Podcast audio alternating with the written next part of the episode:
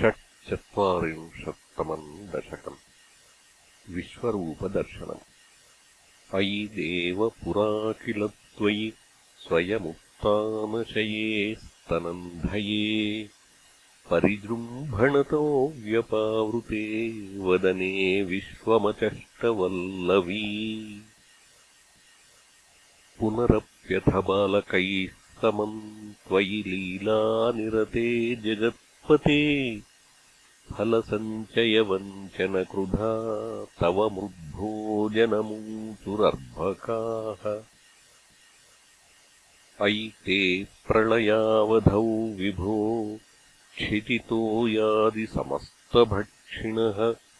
मृदुपाशनतो रुजा भवेदिति भीता जननी चुकोपसा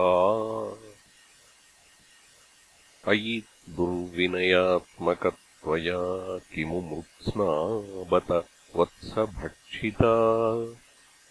इति मातृगिरम् चिरम् विभो वितथाम् त्वम् प्रतिजज्ञिषे हसन्।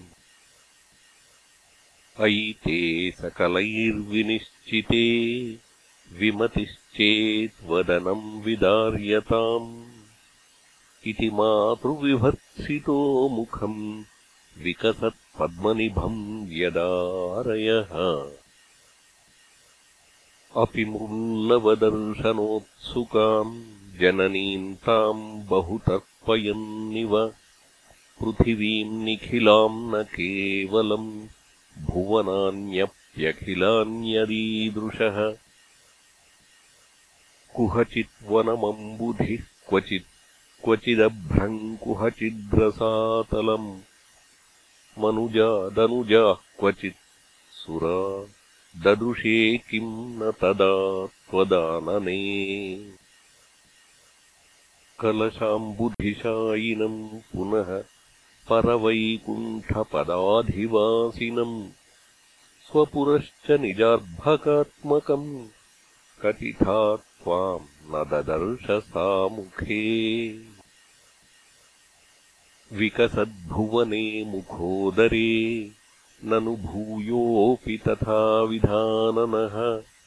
अनया स्फुटमीक्षितो भवाननवस्थाम् जगताम् बतातनोत् धृततत्त्वधियम् तदा क्षणम् जननीम् ताम् प्रणयेन मोहयन्। स्तनमम्बदिशेत् युपासजन्। भगवन्नद्भुतबाल पाहि माम्